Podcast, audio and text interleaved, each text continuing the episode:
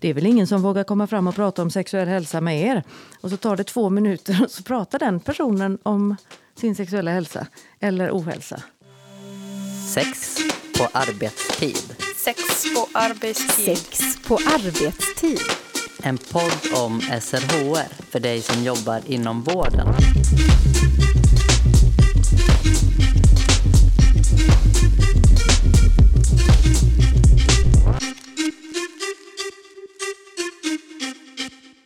Prata med oss om sexuell hälsa. Så står det på Västra Götalandsregionens rullande mottagning för sexuell och reproduktiv hälsa, SRHR-bussen. Här kan invånare ta cellprov, testa sig för könssjukdomar, få preventivmedel och prata om allt som rör den sexuella hälsan. I det här avsnittet så kommer vi prata om hur ett besök i bussen går till. Vad människor söker för. Och vi kommer också prata om hur de har lyckats med det som många andra mottagningar kämpar med. Det vill säga att nå männen.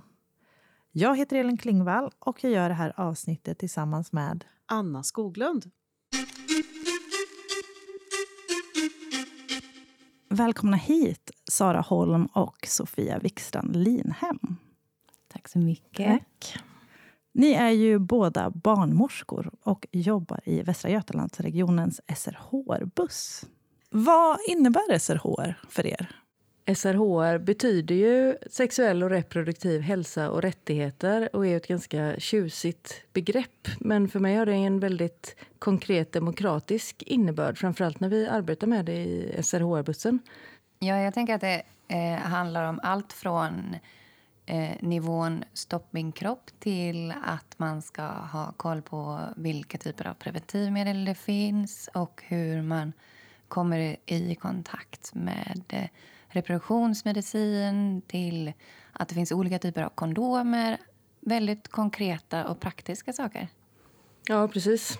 Väldigt konkret. Jag tänkte på det här med också med olika sexualpraktiker och olika dåliga och goda erfarenheter av eh, sexualitet som man kan ha med sig genom livet och som kanske man aldrig haft möjlighet att prata om förut. Syftet med bussen är ju att det ska vara lättare att prata om SRHR-frågor. Varför just en buss? För att det är så himla, himla viktigt att tillgängliggöra den här typen av eh, frågor. Eh, komma ut till dit var människor är. Att det ska eh, vara möjligt att bara komma in, hoppa in i bussen. Man behöver inte boka tid, man behöver inte ringa någon, man behöver liksom inte förarbeta en massa. Utan man går förbi, kommer in och sen är det klart. 220-ström är det vi behöver för att kunna tillgängliggöra cellprovtagning på torget utanför biblioteket till exempel. Vi är ju ganska olika, vi som är medlemmar i samhället. Så då behöver man ju också olika typer av sätt att komma i kontakt med, med vården och få hjälp och råd och stöd i sådana fundamentala saker. Sen så tänker jag en annan vits med bussen är ju att den åker runt, står på olika platser. Att det står på den, pratar med oss om sexuell hälsa, att det liksom väcker tankar hos människor som bara ser bussen. Eh, att det också är ett syfte i sig. Och vilka besöker bussen? Folk som är utomhus, skulle jag väl vilja säga, med den icke-begränsningen. Det är verkligen folk som befinner sig i närheten av där vi är. Eller ibland också folk som har sett annonskampanjer för att vi ska komma. Som faktiskt eh, går in kanske på vår hemsida och ser i kalendariet när är SRHR-bussen i närheten av där jag bor. Och så faktiskt stövlar dit eh, någon gång under våra öppettider. Så att det, men men det, är, det är mycket folk som går förbi och som undrar Jaha, vad är det här för något? Och så kommer man i prat och då dyker det upp att jaha, personen hade ju faktiskt ett behov men hade inte vetat vart den skulle vända sig. Till exempel. Så det är verkligen det är så som vi säger. Vår målgrupp är invånare i Västra Götalandsregionen, alla åldrar, alla kön och könsidentiteter och sexualpraktiker. Och det är de som vi möter. Så vad kan man få hjälp med i bussen då? Eh, man kan få hjälp med diverse olika saker beroende på eh, vem man är och vad man har behov av. Det som vi, de praktiska sakerna som man kan göra i bussen är ju framförallt att man kan testa sig för könssjukdomar av olika slag.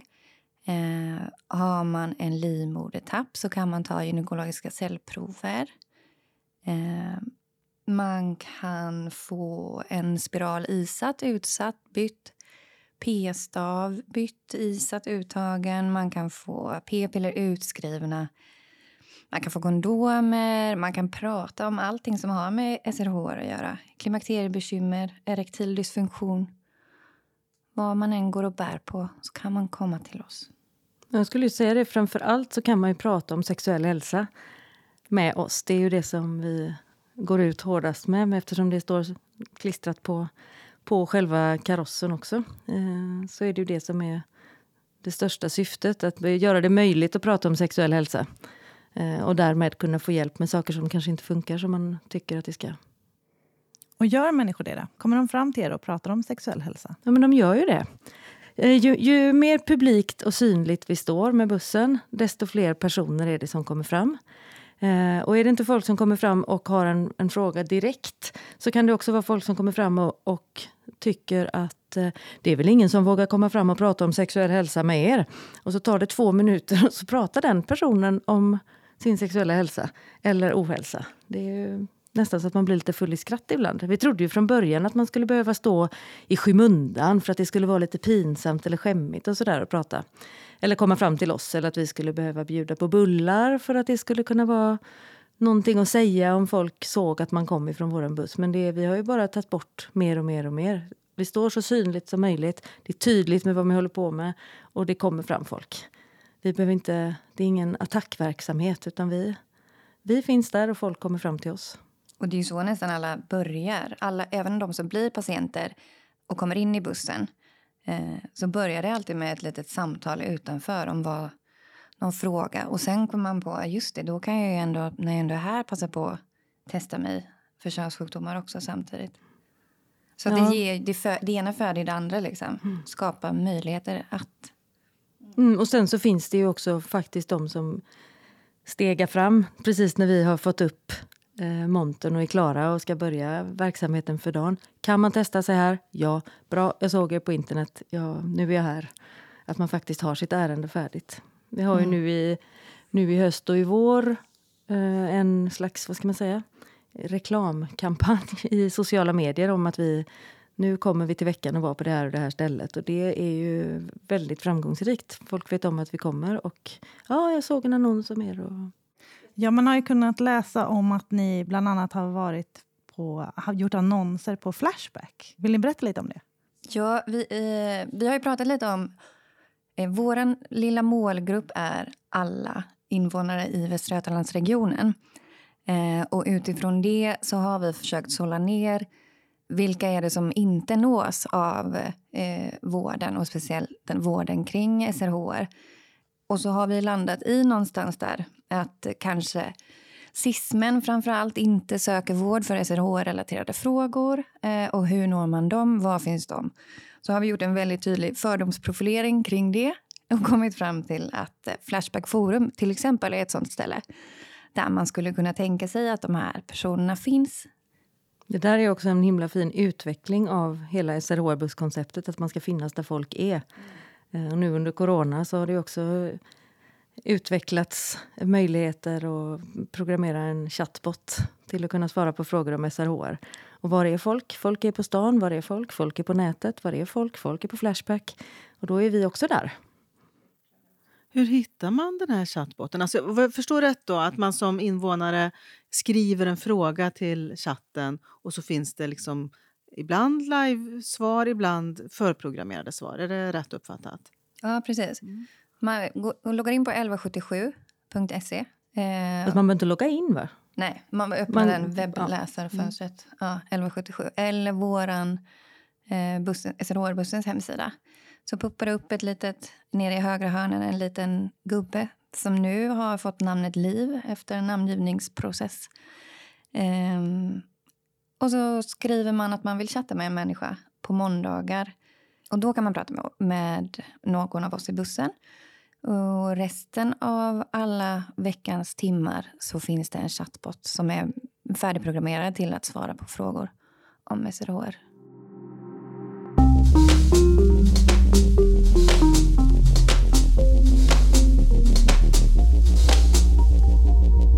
Hur går ett besök till i bussen, alltså rent praktiskt? Vad betyder SR, SORR-buss? Vad, vad står det för? Roligt att du frågar. Så kan ett besök börja. SRHR betyder sexuell och reproduktiv hälsa och rättigheter. och Det är det som vi står och pratar om här. Jaha, och så pratar vi och beskriver verksamheten. Vad den, eh, vi håller på att åka runt i Västra Götalandsregionen och ska göra det möjligt. Ja, men det är ju jättebra. Det är lättare att prata om sexuell hälsa. Och så. Kan man ta cellprov här till exempel, eller testa sig eller prata om andra saker? Vill du komma in och kolla? Ja, ja visst. Så går man, kanske man går in i bussen och, och visar lite eh, hur det ser ut och så stänger man dörren så är det någonting som du har med dig. Så kan ett besök börja. Eller att någon faktiskt bara knatar fram och har sitt ärende solklart för sig. Jag skulle behöva testa mig. Och då gör vi så att man måste ha legitimation med sig. Eh, och så skriver vi in i journalen, att eh, skriver upp i kalendern där ett, att det ska göras ett besök. Eh, och så dokumenterar vi ordentligt. Skulle det vara så att man inte har svenskt personnummer så kan vi ordna med reservnummer. Och så så det, är inget, det är inget hinder. Ja, eh, och sen så gör man det man ska. Man får eh, testa sig. Vi jobbar ofta så att man ska göra så mycket som möjligt själv. Alltså att vi som vårdpersonal inte tar, tar över, om man säger. Utan det är personen själv som kan... Den kan eh, Dra en vaginalsvabb. Precis. Den kan dra en vaginalsvabb eller en analsvabb eller i svalget eller pilla med sitt eget urin så att det kommer ner i själva provröret. Och vill man ha hjälp så, så, så hjälper vi gärna till. Men, att man, men det, jag tänker att det, eh, det är en del i, i helkonceptet. Att det är frivilligt att komma till oss. Det är frivilligt med all vård, men det är nästintill. Eh, men det bygger på att man, att man själv vill och att man, att man lär sig någonting om sin egen kropp. Jag, jag tänker att du kan göra det själv. Jag behöver inte stoppa upp den här pinnen eller göra vad det är som ska göras. Om det inte handlar om cellprov eller sätta spiral och så, då hjälper vi ju såklart till. När man tar prover hos er, hur får man sen provsvar och ifall man behöver någon behandling av något slag? Hur går sånt till? Um, vi informerar alltid de som blir patienter eh, om eh, provsvarstid. Eh, och när man tar ett prov för könssjukdomar så brukar det ta ungefär en till två veckor innan man får provsvar. Eh, och då hör vi alltid av oss om det är någonting. Så man får bara återkoppling vid positivt provsvar. Och det får alla reda på innan de lämnar bussen. Mm, och skulle det vara så att det när det gäller könssjukdomar eller sexuellt överförbara infektioner så är det, är det positivt på klamydia, vilket är det som är lättast att bli smittad med. Eh, då tar vi hand om det själva i bussen. Vi har eh, möjlighet att skriva ut antibiotikarecept och så utför vi smittspårning. Om, eh, om det visar sig att man har en annan infektion än klamydia, hur, hur går det till då med att få hjälp med behandling och smittspårning? Ja, då tar vi hand om provsvaret för det kommer till oss. Eh, och så gör vi så att vi skickar en remiss till eh, närmaste infektions eller könsmottagning när, patienten befinner sig då eh, för vidare behandling, provtagning, smittspårning och så. Och så kontaktar vi patienten och eh, informerar om att nu har vi skickat remiss dit och dit och de vet om att, eh, att du finns och de kommer höra av sig till dig och så kommer man få, få en tid på den mottagningen för, för vidare liksom handläggning. Då. Mm. Hur funkar det med väntrum och sådär? Blir det köer utanför bussen eller hur ser det ut? Eh, det förekommer absolut att det blir kö. Eh, och då kan man stå utanför bussen. Vi har som ett litet vad heter det, förtält. Eh, ja, en markis. En markis mm. som vi fäller ut. Eh, och så kan man stå där. Eh, under tiden så kan man göra ett litet quiz till exempel. Eller om man har någon annan fråga så kan man ställa den under tiden till annan personal som står utanför. Eller så går man och tar en kaffe någonstans och så säger vi kom tillbaka om 20 minuter. Så är det din tur. Det beror lite grann på vad det är för väder och sådär om det är trevligt att stå och vänta utanför SRHR-bussen eller inte. Men vi har ju inget ordentligt väntrum, det kan man inte säga. Är det hela soligt? världen är vårt väntrum. Ja, hela världen är vårt väntrum, det är sant. Det är sant. Men ni är alltid flera som är ute och jobbar? Hur många är ni? Vi, ska vara, vi har sagt att vi alltid ska vara minst tre personer. Så att det kan vara någon som är inne i bussen med patient och så två utanför. Jag tänkte på det här med att, att vara så tillgänglig som bussen är. tycker ni att ni har märkt att ni når ut till de där som kanske inte söker hälso och sjukvården i andra sammanhang? Ja, men det är ju det vi gör. Det är ju också, vi blir ju hela tiden överraskade över att verkligheten är sån som vi ändå tror och har fått bekräftat tidigare. Att vi faktiskt når folk som inte hade sökt vården annars. Alltså vi, vi, vi skiljer lite på det som sker utanför bussen. Det som är verkligen inom citationstecken bara prat, bara samtal. Men det som vi inte journalför alltså. Det är, jag säger att det är med rejäla citationstecken för att det är verkligen inte bara, men det blir inte journalfört. Man säger.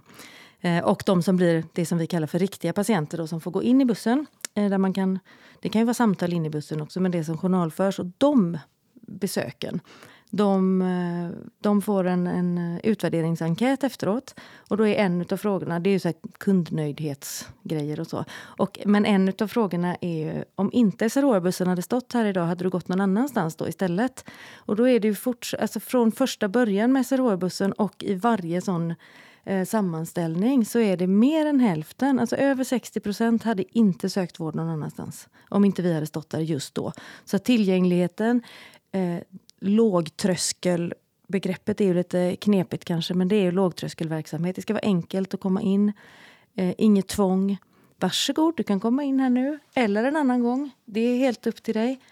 Det är, det är ett framgångskoncept och att det är tydligt och att det är enkelt. Och att, vi, att vi pratar enkelt språk och sådär. Så att mer än hälften av de vi träffar hade inte blivit liksom riktiga patienter någon annanstans om inte vi hade stått där. Och det är ju det är grymt.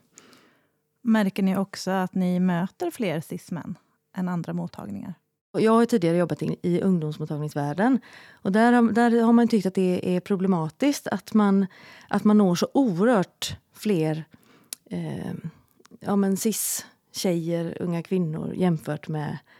Eh, eller det behöver inte förresten bara, det kan ju vara transtjejer också, men att man når mer, fler tjejer än, än killar. Och i SRHR-bussen så har vi ju tyckt att vi, det är inte riktigt samma sak utan vi möter ganska mycket snubbar som är ute. I, ja, som är ute? Ja, men vi, vi träffar mycket, mycket män. Och när vi, när vi tittar i våra, vår journalstatistik så bekräftas det. Det är inte bara någonting som vi har en känsla av. Utan det är, vi, vi har faktiskt en övervikt på, på män istället. Ehm, i, i SRH-bussen. Så jämfört med ungdomsmottagningsvärlden så är det inte riktigt tvärtom, men nästan. Hur kommer det sig att det är så, tror ni? Är det att ni är så synliga, eller, eller vad, gör, vad, vad handlar det om? Jag vet inte, men det är väl absolut 10 000 kronors frågan kanske. Men jag tror att det handlar om så, tillgänglighet, att så här, vara där folk är.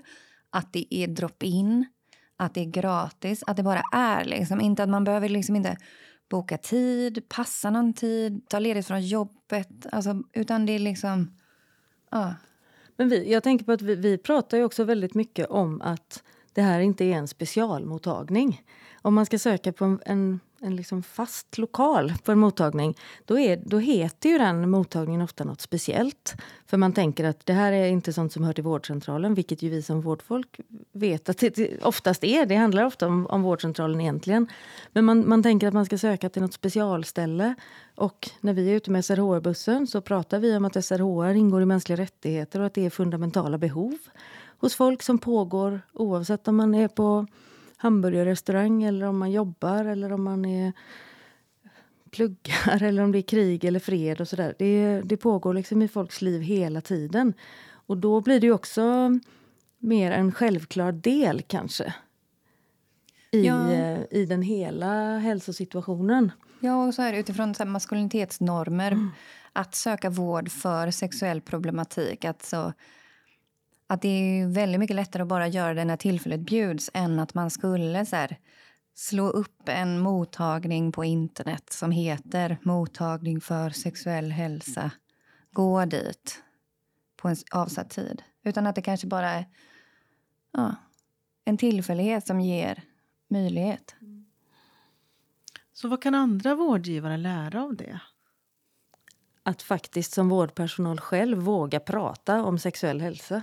Att man faktiskt inkluderar det i, i helhetsbilden. Det kanske är till och med så att man skulle kunna tänka sig att våga prata om sin egen sexuella hälsa. Inte med patienterna såklart då, men, men, men kanske inte med varandra heller. Men det, man kanske ska rannsaka sig själv. Har jag någonting i SRHR-relaterat i mitt liv som jag sliter med och som jag kanske inte riktigt vågar ens tänka kring? Så kan det ju vara. Vi kan ju vara jätteduktiga och proffsiga på massa områden utan att ha haft alla sjukdomar själva. Det är inte så jag menar. Men att man ska våga på riktigt att prata om de här grejerna.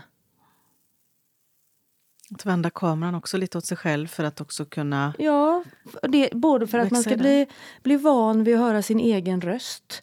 Eh, prata om, om kroppen kanske, om man inte är van vid att göra det. Alltså vad saker och ting heter. Eh, vet man vad, vad downstairs är? Eller vet man vad slidan och blygdläppar och vulva och vagina. Vet man alltså vad är skillnad? Vad är mm. prickar? Vad är problem? Vad är, vad är rimligt? Vad är farligt?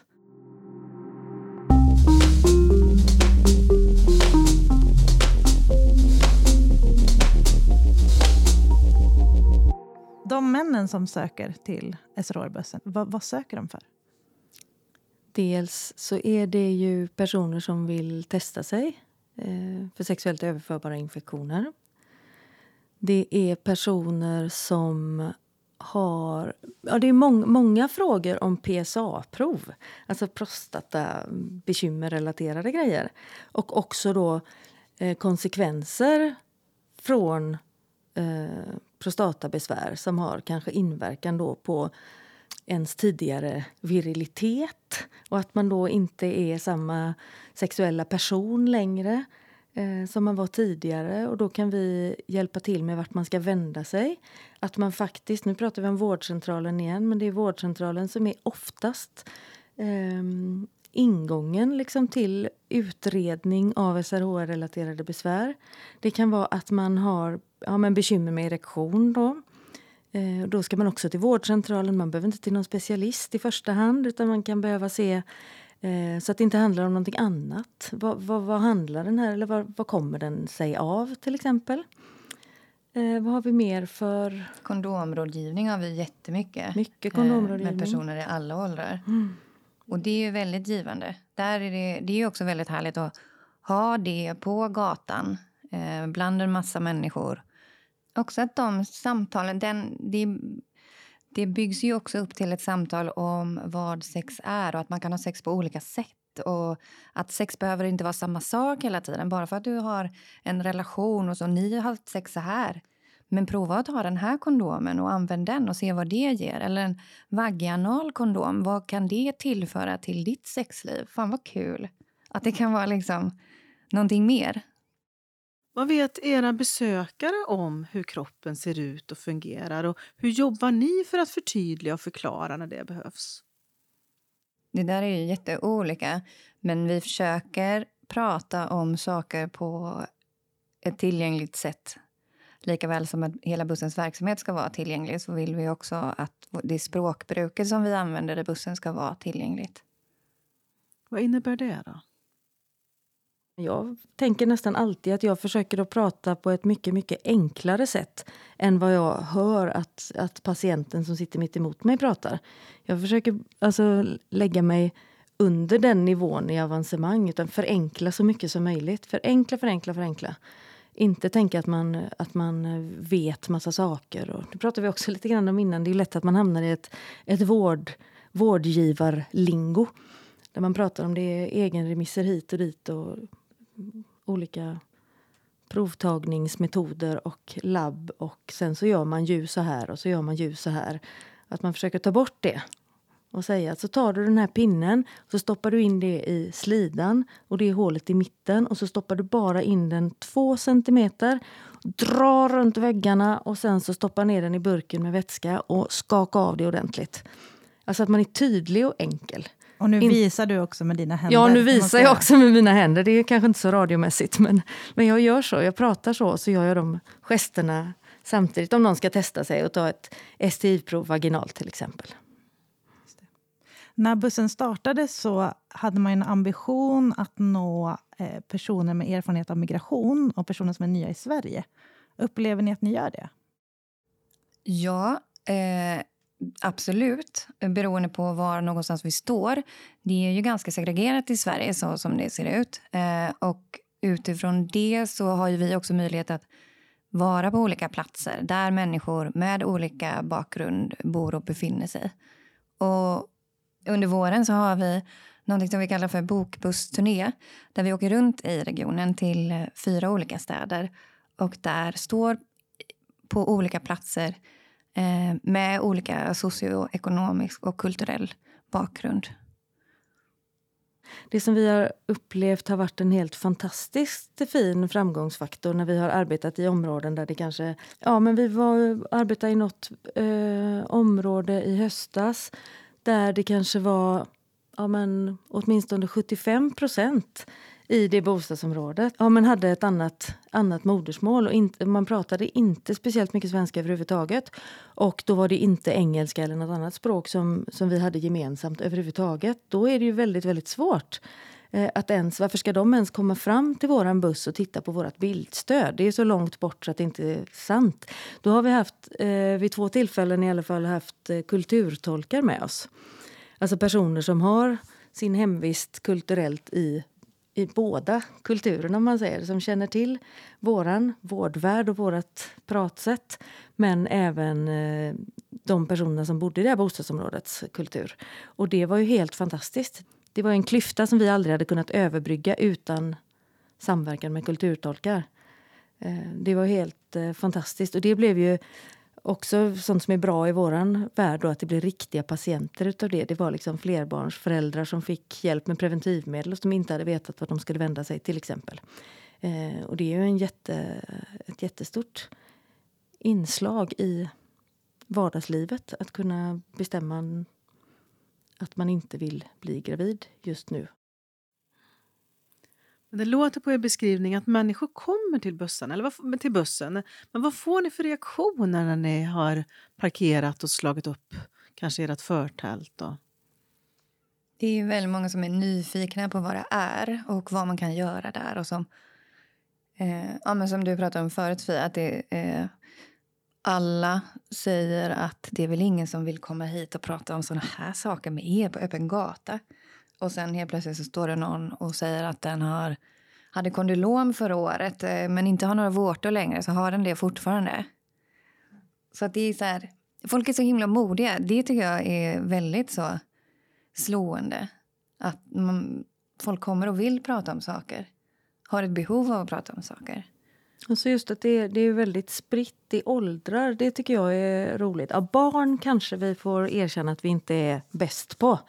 Alltså, alltså små barn. Det, vi säger ju att alla invånare i Västra Götalandsregionen är vår målgrupp. Men barn har vi kanske inte varit bäst på.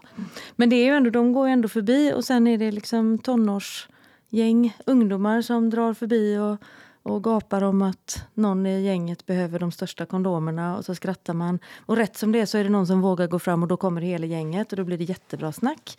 Till de som går med rollatorer över torget och kisar och aha, sexuell hälsa. Och när det var länge sedan och så börjar man prata om det. Att det, ja, fast det kan ju se olika ut. Det, alltså sexuell hälsa behöver ju inte bara handla om någon slags virilitet och eh, och så, utan det, det, ser olika ut i olika, olika Man behöver inte ha det med någon annan. Nej. Nej mycket. Det har ingenting att göra med andra människor. Eller har mm. ingenting, det behöver inte. Nej. Nej, men det handlar mycket om det också. Prata om egensex och hur det, vad man gillar eller inte och sådär. Mycket, en del äldre personer som eh, skojar. Mycket äldre farbröder tycker jag som, som skojar om att det inte riktigt är som det var förut. Men, och några av de mest härliga tillfällena tycker jag är när det är, är äldre personer eh, som har någon gång på senare år under sitt liv kanske så träffat en ny partner eller, eller lämnat sitt gamla liv bakom sig och bara blommat ut som en ny person eller sin riktiga person eller, och har ett fantastiskt sexliv och är 70 år och så sitter, står man och pratar samtycke med en man i 70-årsåldern om att så, det är viktigt att använda kondom och du bestämmer över din egen kropp. Bara för att någon annan vill det så måste inte du gå med på sex med den personen. Det är jättehärligt. Det är liksom situationer som jag inte trodde att jag skulle vara i. Det låter som att bussen fyller den funktionen som var tänkt. Det gör det, men sen den här eh, bokbussprincipen som vi håller på med nu, att vi kommer tillbaka. Dels att vi syns i annonskampanjer och att vi kommer tillbaka. Och att det inte är någon hets. Det är ingen stress. Behöver inte passa på just idag. Hinner du inte idag? Vi står här imorgon med. Eller vi, vi är här om fyra veckor igen. Ta det med ro.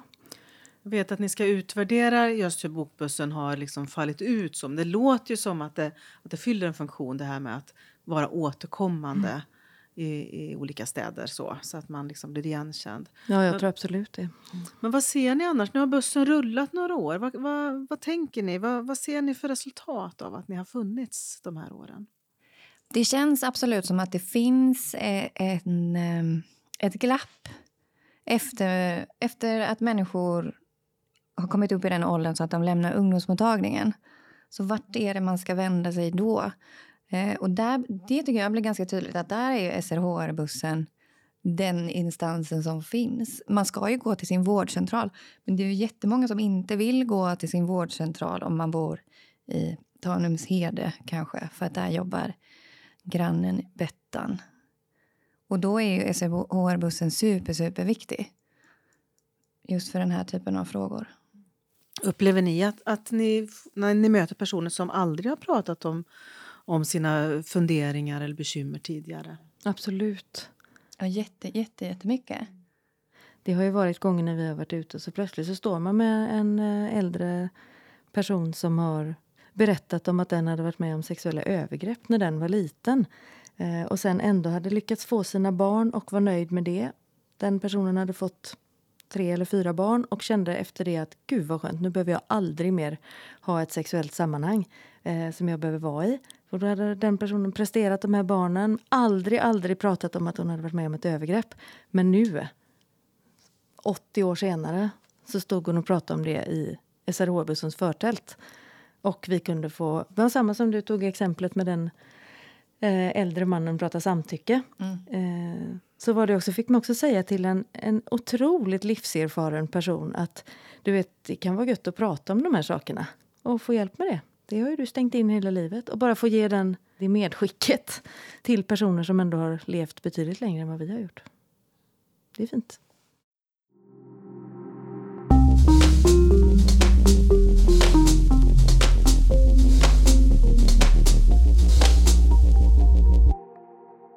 Vad, vad tänker ni om bussen framåt? Ser ni några utvecklingsmöjligheter med bussen? Ja, alltså det är en helt fantastisk verksamhet. Och vi hade väl... Jag vet inte, Man kan ju gå och göra det hur stort som helst. Det hade varit magiskt att ha till exempel en större buss eh, med ännu mer utrymme där det till exempel fanns plats för ett väntrum inne i bussen. Jag tänker att det ska finnas en sån stor och sen så ska det finnas flera SRHR-bussar i size med den som finns nu. Eftersom alltså Västra Götalandsregionen, då, om vi bara ser till den här regionen, är, vi har ju delat in den i de fyra hälso och sjukvårdsnämnderna. skulle det absolut finnas en SRH-buss i varje eh, hälso och sjukvårdsnämnd, då skulle man kunna använda det jättemycket. In, inte för att ersätta befintliga mottagningar, utan för att komplettera. Det, det är oerhört det är prisvärt, det är ekonomiskt, det är jätteroligt att arbeta så här. Eh, men det är, det är smart, man når folk. Och just eh, ska man, ehm, ehm, ska man jobba utifrån att SRHR är del i de mänskliga rättigheterna då måste man ju eh, tillgängliggöra det också. Då måste man ju jobba med de frågorna, se till att det finns möjlighet och veta att man kan ha sitt sexliv på ett annat sätt eh, som är mer tillfredsställande, kanske, om det är det det handlar om. Eller att man kan få um, ja, men eh, hjälp när det gäller frågor som rör reproduktion uh, utifrån fler aspekter än att man är en person som identifierar sig som kvinna född med slida och livmoder med fungerande ägglossning. Alltså, det finns ju, vi är ju många i samhället och det måste ju tillgängliggöras. Det kan inte bara ske i storstadsregionen. Liksom. Det, och det, och jag, alltså just den här nästan, vi pratar så mycket om att saker och ting måste vara prisvärda så att vi nästan skojar om det också i SRHR-bussen. Men det är det allting kommer an på. Och det här är en prisvärd verksamhet. Det är oerhört prisvärt. Och nu när eh, regionen ska implementera, det finns beslut på att regionen ska implementera SRHR i alla verksamheter, så är det här ett ypperligt praktiskt exempel på hur man kan göra det och faktiskt komma ut och nå människor med SRHR-frågor.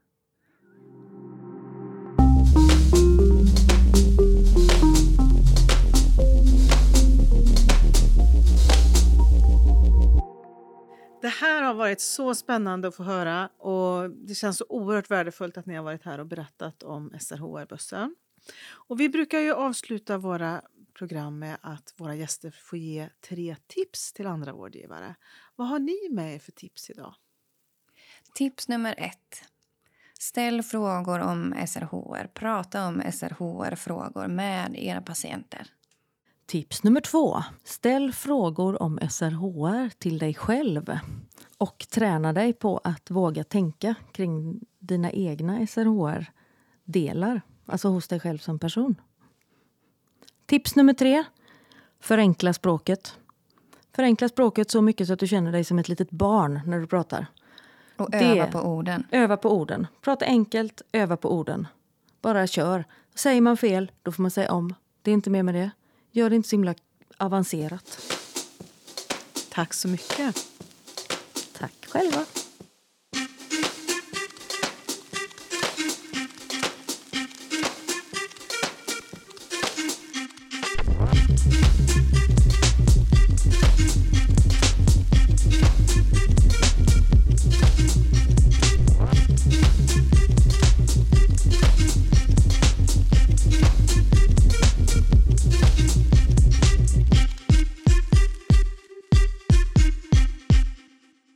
Hört Sex på arbetstid, en podd som görs av Kunskapscentrum för sexuell hälsa, en del av Västra Götalandsregionen.